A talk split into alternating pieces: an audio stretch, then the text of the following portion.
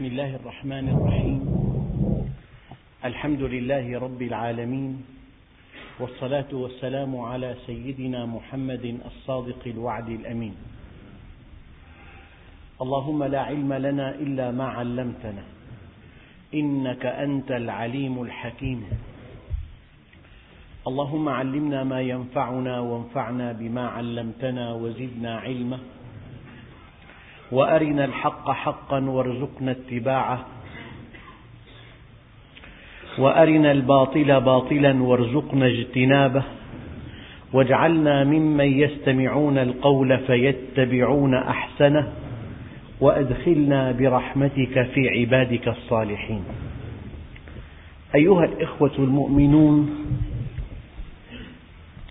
مع الدرس الرابع والسبعين من دروس سورة البقرة ومع الآية السادسة عشرة بعد المئتين وهي قوله تعالى يسألونك عن الشهر الحرام. ولا بد من وقفة قصيرة حول كلمة يسألون. المؤمن إذا آمن بالله إيمانا صحيحا آمن به موجودا وآمن به واحدا وآمن به كاملا. همه الأول وشغله الشاغل أن يتحرى أمره ونهيه كي يعبده. عرفته بقي أن تعبده. عرفته من خلال الكون بقي عليك أن تعبده من خلال الأمر والنهي.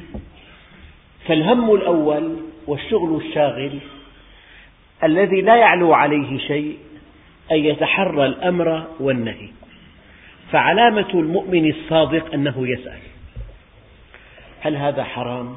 هل هذا حلال؟ فيه شبهة يرضي الله لا يرضي الله يحجبني عن الله يقربني من الله يحبط عملي أم يؤكد أملي لا بد من أن تسأل السؤال علامة الإيمان أما هذا الذي لا يسأل لأن موضوع الدين كله خارج اهتمامه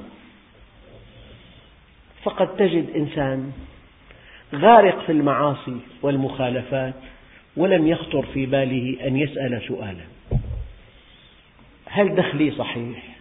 هل دخلي مشروع؟ هل تربية أولادي صحيحة؟ هل خروج بناتي بشكل يرضي الله؟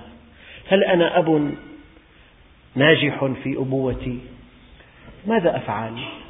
هذا الذي يسأل سؤاله علامة إيمانه فأصحاب النبي عليهم رضوان الله سألوا النبي عليه الصلاة والسلام في ثلاثة عشر مسألة كلها ورد فيها آيات مصدرة بقوله تعالى يسألونك نعم يسألونك عن الشهر الحرام. الحقيقة في آية أخرى يقول الله جل جلاله إن عدة الشهور عند الله اثنا عشر شهرا في كتاب الله يوم خلق السماوات والأرض منها أربعة حرم. رجب وذو القعدة وذو الحجة ومحرم. ما حكمة هذه الأشهر؟ لأن الله جل جلاله هو خالق البشر وهو الخبير. إن نشبت حرب بين فئتين أو بين جماعتين أو بين أمتين أو بين دولتين ما الذي يحصل؟ الحرب تستعر وتستمر حتى تحرق الأخضر واليابس. ولا تقف. وقد سمعت قبل أيام أن أفقر دولتين في العالم من دون استثناء نشبت بينهما حرب. كل يوم تكاليف هذه الحرب مليون دولار كل يوم. طبعا لصالح الطرف الآخر الذي يبيعهم السلاح. على كل جعلت هذه الأشهر الحرم من أجل أن يحرم فيها القتال. فحينما تنشب حرب ويأتي شهر رجب تقف الحرب. لا في غالب ولا في مغلوب من أجل الكرامة الإنسانية. الإنسان أحيانا يضحي بكل شيء يحرق كل شيء يتلف كل شيء من أجل كرامته.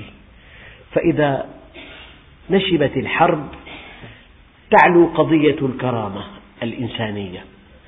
فالكل خصم مصر على متابعة الحرب. إذا جاء هذا الشهر الحرام وهذا منهج الواحد الديان تقف الحرب. ليس هناك منتصر ولا منهزم ولا غالب ولا مغلوب.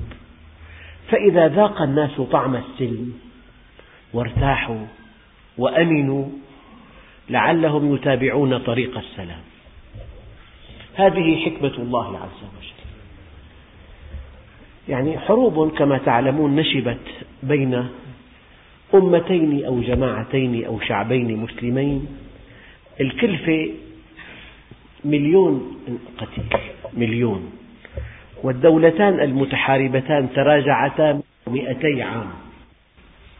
فلو أنهما طبقا منهج الله عز وجل لما وصلا إلى هذه النتائج المدمرة.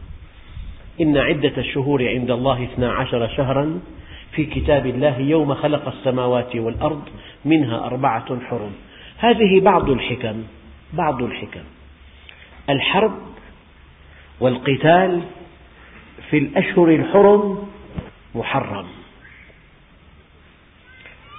من أجل حفظ ماء الوجه من أجل حقن الدماء من أجل حقن من أجل حفظ الأموال من أجل سلامة الحياة نعم.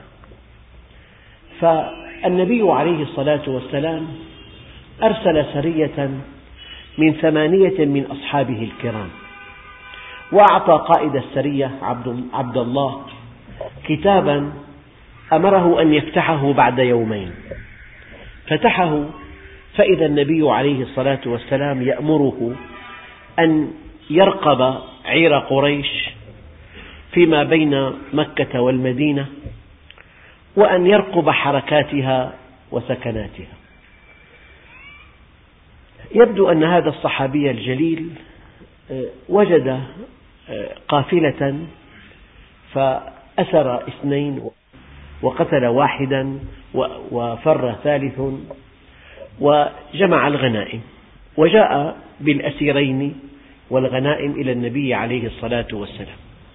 النبي عليه الصلاة والسلام لم يأمره بهذا فلم يقبل الغنائم ولم يقبل أن يبقى الأسيران لأن هذه هذه المناوشة وقعت في يوم هو عند قائد السرية من الأشهر غير الحرم من جماد الآخرة. وبحساب آخر في واحد رجب لذلك أقامت العرب النكير. أقامت الدنيا ولم تقعدها. إن محمدا ينتهك حرمة الأشهر الحرم. إن محمدا قتل في الأشهر الحرم. إن محمدا أخذ الأموال في الأشهر الحرم. إن محمدا أسر الأسرى في الأشهر الحرم. وكما تعلمون الطرف الآخر دائما يراقبون أهل الحق بمناظير مكبرة. يحسبون على المؤمن أنفاسه فإذا حدث خطأ طفيف كبروه مئة ألف مرة. هذا الذي حدث أن العرب أقامت الدنيا ولم تقعدها وتقول إن محمدا انتهك حرمة هذه الأشهر وقتل في هذه الأشهر وأخذ الغنائم في هذه الأشهر وأسر في هذه الأشهر. والنبي عليه الصلاة والسلام اهتم كثيرا ولم يكن يريد أن يقع الذي وقع. فجاءت الآية الكريمة. تبرئ قائد هذه السرية وتبرئ الذي أمره بهذا. فقال الله عز وجل يسألونك عن الشهر الحرام قتال فيه. يعني أيجوز القتال فيه؟ أيجوز أن تنتهك حرمته؟ أيجوز أن يقتل فيه إنسان؟ أيجوز أن يؤسر فيه إنسان؟ أيجوز أن تسلب فيه الأموال كغنائم؟ يسألونك عن الشهر الحرام ما حكم القتال فيه؟ وكأنه تعريض بما فعل قائد السرية. فقال الله عز وجل قل قتال فيه كبير. كبير. ولكن الإسلام ليس من السذاجة بحيث يجعل من هذه المقدسات متراثا لأهل الكفر والضلال. فكرة دقيقة جدا لا بد من التوضيح. يعني النبي عليه الصلاة والسلام قال المجالس بالأمانة. يعني في أي مجلس ما يقال في هذا المجلس يجب أن يبقى سرا بين من حضر هذا المجلس. ولا يجوز لواحد من حضور هذا المجلس أن ينقل ما جرى في هذا المجلس للناس. لقول النبي عليه الصلاة والسلام المجالس بالأمانة. بل إن النبي ذكر أدق من هذا. إذا حدثك إنسان حديثا وشعر أن إنسانا قد مر إلى جانبه فالتفت التفاتته الحذرة دليل أن هذا الحديث يجب أن يبقى أمانة بينك وبينه. الحديث المشهور المجالس بالأمانة. قال إلا مجلسا سفك فيه دم حرام أو انتهك عرض حرام أو أخذ فيه مال حرام. هذا المجلس ليس بالأمانة. يعني أنت جالس بمجلس هناك خطة لقتل إنسان يجب أن تخبر. أو هناك خطة لانتهاك عرض إنسان أو لسلب مال. هذا المجلس الذي بني على معصية ليس له حرمة. هذا المجلس الذي بني على خرق لحدود الله عدوان على أشخاص أو على أموال أو على أعراض فقد حرمته. يجب أن تخبر أولي الأمر. هناك مثلا آه، خطة لانتهاك عرض فلاني. هذا مثل للتقريب. يعني المقدسات مقدسات. قتال فيه كبير. يسألونك عن الشهر الحرام. قتال فيه. قل قتال فيه كبير. صح. شيء مقدس. حدود يجب ألا تنتهك. آه، قيم يجب ألا تداس. ولكن الكفار حينما يصدون الناس عن سبيل الله الكفار حينما يصدون الناس عن المسجد الحرام الكفار حينما يخرجون أهله منه عدوانا وظلما وتعنتا واستكبارا وقهرا أليس هذا أكبر؟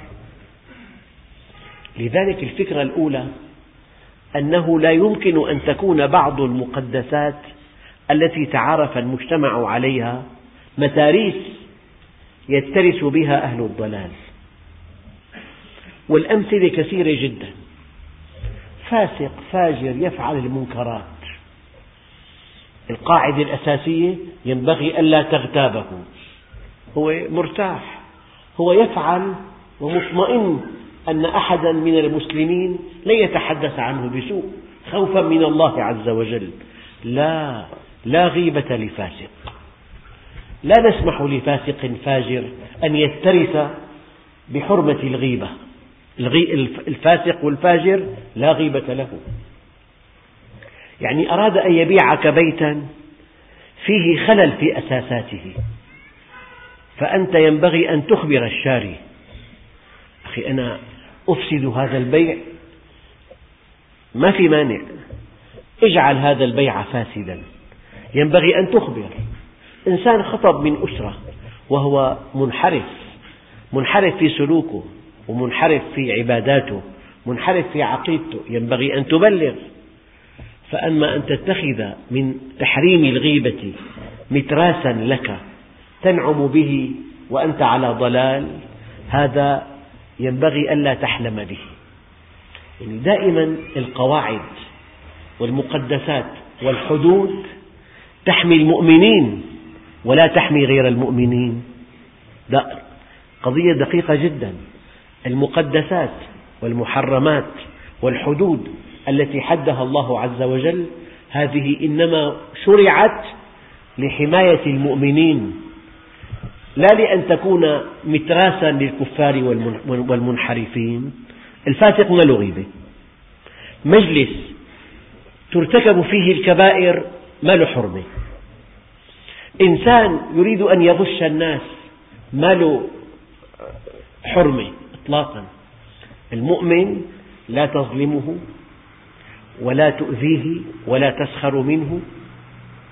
أما حينما يخرج من, يخرج من مظلة الإسلام ويفعل ما يريد عندئذ يجب أن يلقى جزاء عمله. فهذا معنى قوله تعالى يسألونك عن الشهر الحرام قتال فيه أيجوز أن يقاتل فيه؟ أيجوز أن تسفك فيه الدماء؟ أيجوز أن تسلب فيه الأموال؟ أيجوز أن يؤسر الأسير؟ في الشهر الحرام قل قتال فيه كبير من حيث المبدأ. نعم كبير. بس هناك عمل أكبر منه. وصد عن سبيل الله. الإنسان دون أن يشعر. تجد الشاب في أسرة أنا أعالج قضايا الجزئية الصغيرة. شاب في أسرة لا يصلي. يأتي بعد منتصف الليل كل يوم. له أصدقاء سوء. متفلت ليس منضبطا. ما في عليه مشكلة بالأسرة أبدا. أما حينما يلتزم مسجدا ويغض بصره ويرفض أن يختلط بمن لا تحل له ويرفض, ويرفض أن يخرج على ما ألفه من حوله يقام عليه النكير. أليس هذا صدا عن سبيل الله. ما دام الإنسان في فسق وفجور لا أحد يحاسبه بل إنهم يثنون عليه. أما حينما يلتزم شرع الله حينما يرفض الاختلاط حينما يرفض أن يغش الناس حينما يرفض أن يتجاوز حدوده ويلتزم ويخشى الله عز وجل تقام عليه الدنيا ولا تقعد. أليس هذا صدا عن سبيل الله؟ يعني من أكبر الجرائم أن تصد الناس عن سبيل الله. هناك أسلوب آخر. الشاب إذا التزم يصد عن التزامه. الآن إذا التزم مع إنسان لا بد من أن يطعنوا بهذا الإنسان. لوجه الشيطان لوجه الشيطان. لا بد من أن يسفهوا مثله الأعلى. لا بد من أن يسفهوا عمله. لا بد من أن يتهم هذا الذي التزم معه. كصد عن سبيل الله. الإنسان أحيانا يصد عن سبيل الله وهو يشعر. وأحيانا كثيرة يصد عن سبيل الله وهو لا يشعر. هو كأن شيطانا ينطقه. وكأن شيطانا يدفعه. وكأن جهة خبيثة تغريه. فإذا تحدث لا يتحدث إلا حديثا لا يرضي الله عز وجل. لا يتثبت لا يتأكد لا يتحقق. لذلك آه، يسألونك عن الشهر الحرام قتال فيه قل قتال فيه كبير وصد عن سبيل الله وكفر به والمسجد الحرام وإخراج أهله منه أكبر. أكبر من أن تنتهك حرمة هذا الشهر. لن تكون لحرمة هذا الشهر سببا لطغيان أهل الباطل أيها الإخوة لنحذر جميعا دون أن نشعر أن نصد عن سبيل الله. إنسان سلك طريقا صحيحا. إنسان عاهد الله. على أن يضبط لسانه. إنسان عاهد الله على أن يغض بصره. إنسان له جلسة مع أصدقاء. هذه الجلسة ليس فيها ما يرضي الله فانسحب منها. دعه. دعه يصطلح مع الله. هناك شياطين الإنس يصدون عن سبيل الله وهم لا يشعرون. وكم من إنسان يصد من حوله عن سبيل الله وهو يحسب أنه يحسن صنعا أنت حينما لا تتأكد مما تقول حينما تتهم إنسانا يعني جمع الناس على الحق بلا دليل وبلا تحقق وبلا تريث أنت ماذا فعلت؟ صددت الناس عن سبيل الله يعني بمجرد أن ترى إحدى قريباتك المحارم قد تحجبت إن ازدريت حجابها. ولو عن طريق المزاح أنت صددت عن سبيل الله وأنت لا تشعر. يجب أن تشجعها. يجب أن تثني عليها. أن تثني على قرارها. أيام إنسان يأتي من بلاد, من بلاد بعيدة يعني فيها كل شيء مريح لكن خاف على مستقبله ومستقبل أولاده فجاء إلى عاد إلى وطنه ليخدم أبناء وطنه. هناك من يتهمه بالجنون. هذا الذي يتهمه بالجنون يصد عن سبيل الله. طبعا حينما يأتي الإنسان من بلد متطور غني متفوق في الدنيا إلى بلد نام سيواجه صعوبات كثيرة. يجب أن تشجعه. والله أنا أقول لإنسان أراد أن يعود إلى وطنه ليخدم أمته أقول له والله ما اتخذت في حياتك كلها قرارا أصوب من هذا القرار. أقول له ولا أحكم من هذا القرار.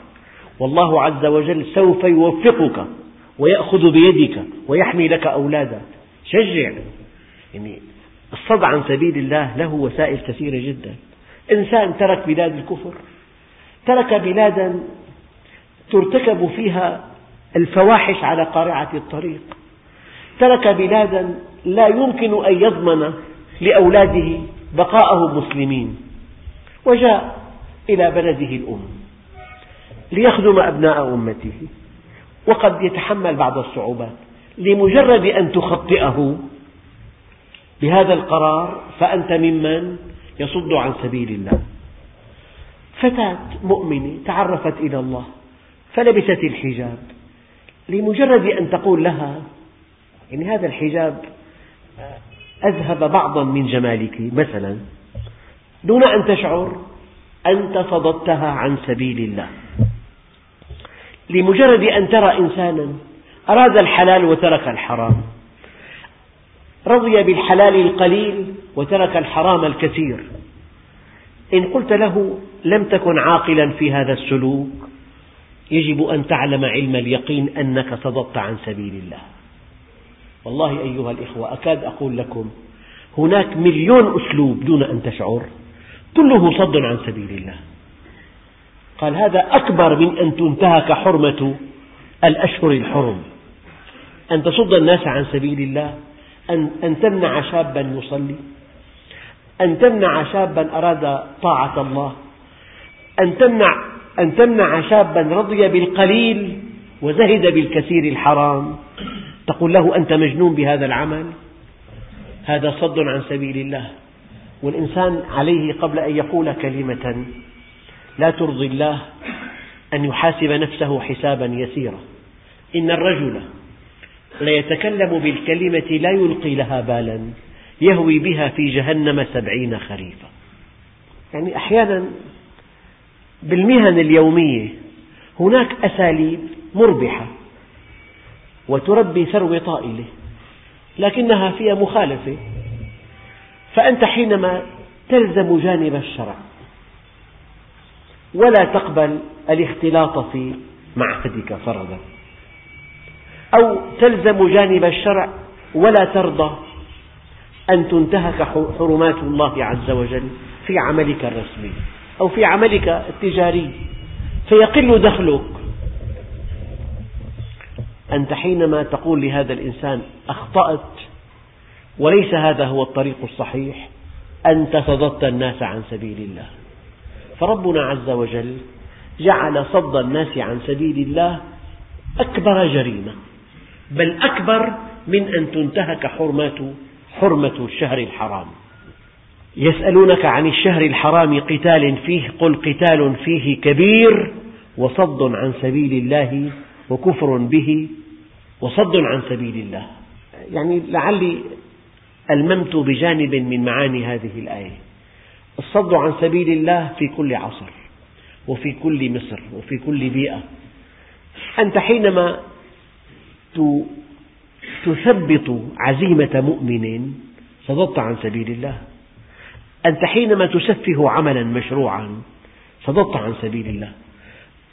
إنك إن رأيت إنسان يتصدق بماله. إذا قلت له خبي قرشك. كلمة.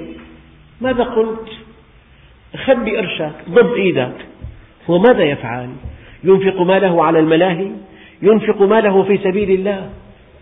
لمجرد أن تخوفه من الفقر إذا أنفق ماله في سبيل الله أنت ماذا فعلت؟ صددت عن سبيل الله. يعني الموضوع يحتمل لشواهد كثيرة جدا جدا. فكل واحد منا محاسب على كل كلمة يقولها. قد يلقي بالكلمة لا يلقي لها بالا. قد يقول الكلمة لا يلقي لها بالا يهوي بها في جهنم سبعين خريفا. لا تكن عونا للشيطان على أخيك. كن عونا له على الشيطان. يعني والله حدثني مرة أخ متألم جدا من أخي زوجته. قال لي شكوت له أخته. قال لي طلقها. لأول كلمة طلقها. إذا دفعت الناس إلى تطليق زوجاتهم فأنت صددت عن سبيل الله. إذا دفعت الناس إلى أكل المال الحرام فأنت صددت عن سبيل الله. إذا دفعت الناس إلى الحرام صددت عن سبيل الله. جريمة ثانية ارتكبها الكفار. وصد عن سبيل الله وكفر به. أيضا هذا المفهوم يجب أن يوسع قليلا. طبعا كلمة كفر كلمة كبيرة جدا. لكن هذه الكلمة لها معنى ضيق. ولها معنى متسع. المعنى الضيق أن تنكر وجود الله أو أن تنكر هذه الأديان السماوية. أما المعنى الموسع حينما ترفض حكما لله فهذا كفر. يعني إذا قلت مثلا إن قطع اليد هذا الحد لا يتناسب مع هذا العصر. هذا عصر حقوق الإنسان وكرامة الإنسان والإنسان هو الهداف. أنت إن قلت هذا الكلام المعسول دون أن تشعر كفرت لأنك رددت حكما ورد في القرآن الكريم. والله عز وجل يعلم السر وأخفى يعلم ما سيكون حينما ترفض حكما لله حينما ترفض مثلا الاستثمار الربوي. يقال لك تقول أن هكذا العالم كله يثمر أمواله عن طريق البنوك والربا. يعني ماذا نفعل؟ لا بد من هذا. تقول له يا أخي في آية فإن لم تنتهوا فأذنوا بحرب من الله ورسوله. يقول هذا القرآن ليس لهذا العصر. أنت حينما ترفض حكما من أحكام الشرع الثابتة بالكتاب والسنة فهذا نوع من الكفر. يعني فلا وربك لا يؤمنون حتى يحكموك فيما شجر بينهم. لو فرضنا إنسانان احتكما إلى عالم والعالم أدلى برأي مدلل بالكتاب والسنة. أدلى برأي وحكم وفق كتاب الله. الطرف الذي حكم عليه. إذا رفض هذا الحكم فقد انخلع منه الإيمان لأن الله عز وجل فلا وربك لا يؤمنون حتى يحكموك فيما شجر بينهم. طبعا في حياة النبي يحكم هو بالذات أما بعد موت النبي تحكم سنته. فلا وربك لا يؤمنون حتى يحكموك فيما شجر بينهم. أنت حينما ترفض حكم النبي وترفض سنة النبي فهذا نوع من الكفر. لذلك قالوا هناك كفر يخرج من الملة وهناك كفر دون كفر. يعني في إنسان ما له قنعان ببعض الأوامر ما له قنعان ببعض السنن عدم قناعته ببعض الأوامر وعدم قناعته ببعض السنن هذا نوع من الكفر المبطن. هذا كفر دون كفر. نعم. لذلك الآية الكريمة ذلك بأنهم كفروا بالله ورسوله. كفروا ولا يأتون الصلاة إلا وهم كسالى. معنى يصلون. ولا ينفقون إلا وهم كارهون. فأنا حينما لا أعبأ بأمر الله ولا بنهيه. حينما لا أقيم وزنا لسنة النبي حينما لا أعظم شعائر الله فهذا نوع من الكفر المبطن كفر دون كفر. وما أكثر من يتحدث ويقول هذا لا يصلح لهذا الزمان وهذا لا يمكن أن يكون وهذا لا بد من تعديله وهذا لا بد من إلغائه. فهذا الذي يريد أن يقدم بين يدي الله ورسوله تشريعا أو منهجا غير منهج النبي فهو وقع في كفر من النوع الثاني. لذلك الآية الكريمة الدقيقة جدا وهي قوله تعالى وإن كادوا ليفتنونك عن الذي أوحينا إليك لتفتري علينا غيره. وإذا لاتخذوك خليلا. يعني جهد الكافرين من عهد النبي وإلى قيام الساعة أن يفتنوا, أن يفتنوا المؤمنين عن دينهم ليحل محل دينهم منهج آخر طريقة أخرى أسلوب آخر تشريع آخر. وإن كادوا ليفتنونك عن الذي أوحينا إليك لتفتري علينا غيره إذا لاتخذوك خليلا. ولولا أن ثبتناك لقد كدت تركن إليهم شيئا قليلا إذا لأذقناك ضعف الحياة وضعف الممات. يعني هم الكفار أن يأتوا بتشريع أو بطريقة أو بأسلوب غير أسلوب الدين وشريعته وطريقته. وصد عن سبيل الله وكفر به والمسجد الحرام. يعني هذا البيت بيت الله المعمور هذا البيت أول بيت وضع للناس اتخذه الله بيتا له ومن دخل هذا البيت فهو آمن جعله الله مثابة للناس وأمنا وإذ جعلنا البيت مثابة للناس وأمنا فأنت حينما تسفه عظمة هذا البيت هذا أيضا من الجرائم الكبرى يعني إذا قال لك إنسان والله أنا مشتهي أن أذهب إلى البيت الله الحرام. إن سفهت هذه الرغبة عنده هذا نوع من الصد عن بيت الله الحرام. إن صددت الناس عن الحج أو عن العمرة وكانوا مشتاقين إليها فهذا نوع من الصد عن بيت الله الحرام. الله جعله مثابة للناس وجعله أمن وجعل العطاء فيه جزيلا. يعني من وقف في عرفات فلم يغلب على ظنه أن الله غفر له فلا حج له. يعني أنت في, في الحج كأنك تفتح مع الله صفحة جديدة. تعود كيوم ولدتك أمك. فكمان الصد عن سبيل الله والكفر به والصد عن المسجد الحرام من الكبائر التي دونها انتهاك حرمة الشهر الحرام. وإخراج أهله منه. إنسان عذب لأنه قال ربي الله. فكل إنسان يعني مستقر في بلده مستقر في عمله مستقر في بيته لأنه قال ربي الله. يجب أن تخرجه من بيته. أيضا هذا عدوان كبير جدا.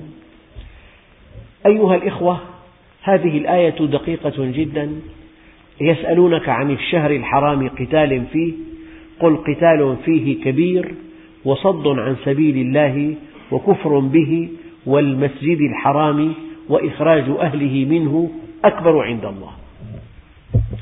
أما الحقيقة الدقيقة والفتنة أكبر من القتل. طبعا أوضح شيء. لو أن جاهليا وأد بنته وأد بنته الصغيرة التي هي كالملك فتاة بريئة طاهرة لأن أباها كان جاهليا دفنها في الرمل وهي حية. طبعا ارتكب جريمة ما بعدها جريمة. قال تعالى وإذا الموءودة سئلت بأي ذنب قتلت؟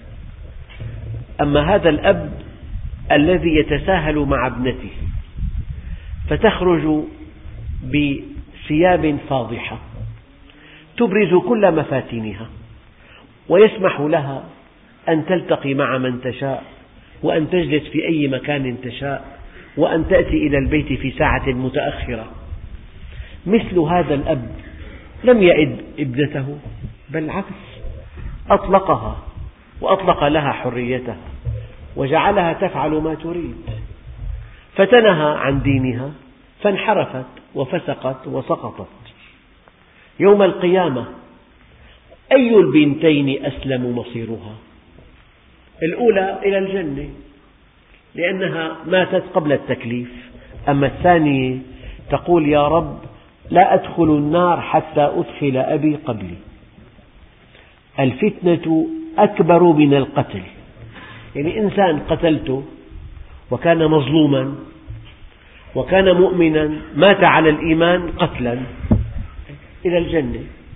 أما إنسان ما قتلته فتنته عن دينه أغريته بالمعاصي دللته على الزنا على شرب الخمر علمته جعلته يرتاد نوادي القمار. فصار مخمورا مقامرا زانيا عربيدا. أنت ما قتلته لكنك فتنته عن دينه. يعني حدثوني أن إنسانا صار يسجل ما تبثه الفضائيات المنحرفة الأفلام الإباحية يسجلها وجاء بأجهزة عرض في دكان صغيرة ويسمح للشباب أن يروا هذه الأفلام بأجر بسيط. أقسم لي أحدهم أن شبابا كثيرين كانوا قد سلكوا طريق حفظ كتاب الله وارتادوا المساجد فلما دخلوا وشاهدوا هذه الأفلام خرجوا من دينهم كله ترك القرآن وترك الحفظ وترك الجامع شيء ما بيعرفه فالفتنة أكبر من القتل. يعني إنسان قتلته إذا كان مؤمن مظلوم إلى الجنة. أما إنسان فتنته أغريته بالمعصية أغريته بكل منكر. والله أعرف إنسان بالخمسة وخمسين ترك الصلاة. اشترى هذا الصحن وترك الصلاة. والفتنة أكبر من القتل. يجب أن نعلم علم اليقين أن الإنسان حينما ينحرف وحينما يفسق وحينما يفجر أهلك نفسه. فالهلاك الخطير أن يفسق الإنسان وأن يجحد شرع الله عز وجل. الآن حقيقة جديدة. الله عز وجل خالق الكون وخالق البشر وهو العليم الخبير. ولا ينبئك مثل خبير. قال ولا يزالون. هي لا زال غير لا يزال. تفيد الاستمرار ولا يزالون يقاتلونكم حتى يردوكم عن دينكم إن استطاعوا. يعني جهد الكفار أن يردوا المؤمنين عن دينهم من خلال المعاصي والآثام. يعني الكافر يئس أن يواجه هذا الدين مواجهة. ماذا يفعل؟ يفجره من داخله. يصطنع اتجاهات في الدين ليست صحيحة تعطى فتاوى غير معقولة إطلاقا. صار الدين غاز. كان شيئا صلبا. له حجم ووزن وطول وعرض وارتفاع. ثم صار لينا. ثم صار لزجا ثم صار سائلا. ثم أصبح غازا. نفس الشيء فهناك أساليب لمحاربة الدين. أحد هذه الأساليب محاربة السنة. أحد هذه الأساليب الفتاوى غير المعقولة إطلاقا. كل شيء مباح. لكل معصية فتوى. إيه؟ هذا أحد الأساليب من أجل أن يرتد المؤمن عن إيمانه. هي سمح بها. والربا سمح به. والاختلاط سمح به والغناء سمح به والرقص سمح به والتمثيل سمح به والربا سمح بها. فماذا بقي من الدين؟ فالارتداد عن الدين أنواع. إما الإغراء بالمعاصي والآثام وإما إصدار الفتاوى غير المعقولة التي تلغي هذا المنهج القويم وإما محاربة أصل الدين. على كل محاربة مبادئ الدين طريق مسدود. يعني أي كاتب يتكلم كلمة فيها إساءة للدين تقام عليه الدنيا ولا تقعد. إذا الطريق الآخر وهو إغراء الناس بالمعاصي والآثام. هذا نوع من الارتداد عن الدين. ولا يزالون يقاتلونكم حتى يردوكم عن دينكم إن استطاعوا. ومن يرتد منكم عن دينه فيمت وهو كافر فأولئك حبطت أعمالهم في الدنيا والآخرة. قال الناقة أحيانا تأكل أكلا غير معقول فينتفخ بطنها فتموت. نقول حبطت الناقة أي ماتت وهلكت. والمنافق حينما يأخذ من الدنيا فوق ما يكفيه من طريق غير مشروع وحينما ينغمس في المعاصي إلى قمة رأسه. قال هذا الإنسان يحبط عمله يعني عمله أهلكه وأفسد عليه آخرته. قال ومن يرتد منكم عن دينه فيمت وهو كافر. أحيانا الإنسان يرتد عن الدين دون أن يعلن ذلك. يعني الدين لا يعجبه الدين ولا أهل الدين ولا منهج الدين ولا سنة النبي الكريم ولا العبادات. كلها تتناقض مع هذا العصر. لا يعجبه أن يصلي خمس صلوات في اليوم. لا يعجبه أن يصوم. يعني طاقة الإنسان طاقة بالصيام تضعف طاقته. ما عاد منتج بالصيام مثلا. فالذي لا تعجبه العبادات ولا العقائد ولا التوحيد ولا منهج النبي عليه الصلاة والسلام. هذا مرتد عن دينه دون أن يشعر. ومن يرتد منكم عن دينه فيمت وهو كافر. فأولئك حبطت أعمالهم. أعمالهم حبطت أي أهلكتهم. طبعا في معاني أخرى لإحباط العمل. الله قال وقدمنا إلى ما عملوا من عمل فجعلناه هباء منثورا. يعني أعمال كالجبال ولكنهم إذا خلوا بمحارم الله انتهكوها. إذا أعمال تمثيلية. يؤتى برجال يوم القيامة لهم أعمال كجبال تهامة. فيجعلها الله هباء منثورا. قيل يا رسول الله صفهم لنا جلهم لنا. قال إنهم يصلون كما تصلون ويأخذون من الليل كما تأخذون ولكنهم إذا خلوا بمحارم الله انتهكوها. أيام إنسان يكون ذكي جدا. يعمل, يعمل عمل طيب مقبول عند الناس الناس يثنون عليه. أما هو ليس كذلك. فربنا عز وجل يحبط عمله. إذا الإحباط قد يكون العمل طيب بس وراءه في نفاق أو نية خبيثة. هذه النية الخبيثة وهذا النفاق يحبطه. شيء ثاني. أيام بيكون عمل يعني سمعت قرأت خبر أنه فيها نصيب بأمريكا. الجائزة الأولى 350 مليون دولار. 350 مليون دولار. شو هالثروة الطائلة؟ العمل خلاف الشرع مثلا. فإما أن يكون العمل مخالف للشرع في الأساس أو أن يكون وفق الشرع لكن نيته ليست سليمة. كلا العملين يحبطه الله عز وجل. نعم. لذلك ومن يرتد منكم عن دينه فيمت وهو كافر فأولئك حبطت أعمالهم في الدنيا والآخرة وأولئك أصحاب النار هم فيها خالدون. النبي الكريم سئل من المفلس فقالوا المفلس فينا من لا درهم له ولا متاع. قال لا المفلس من أتى يوم القيامة بصلاة وصيام وصدقة. وأكل, وأكل مال هذا وضرب هذا وشتم هذا فيأخذ هذا من حسناته. وهذا من حسناته فإذا فنيت حسناته طرحوا عليه سيئاتهم حتى يطرح في النار. هذا هو إحباط العمل. إن الذين آمنوا والذين هاجروا وجاهدوا في سبيل الله أولئك يرجون رحمة الله والله غفور رحيم. بالمقابل إن الذين آمنوا الإيمان الصحيح والذين هاجروا بالمعنيين المعنى التاريخي ترك مكة إلى المدينة بالمعنى الآخر هجر المنكر وجاهدوا بذلوا الجهد في سبيل الله أولئك يرجون رحمة الله والله غفور رحيم والحمد لله رب العالمين.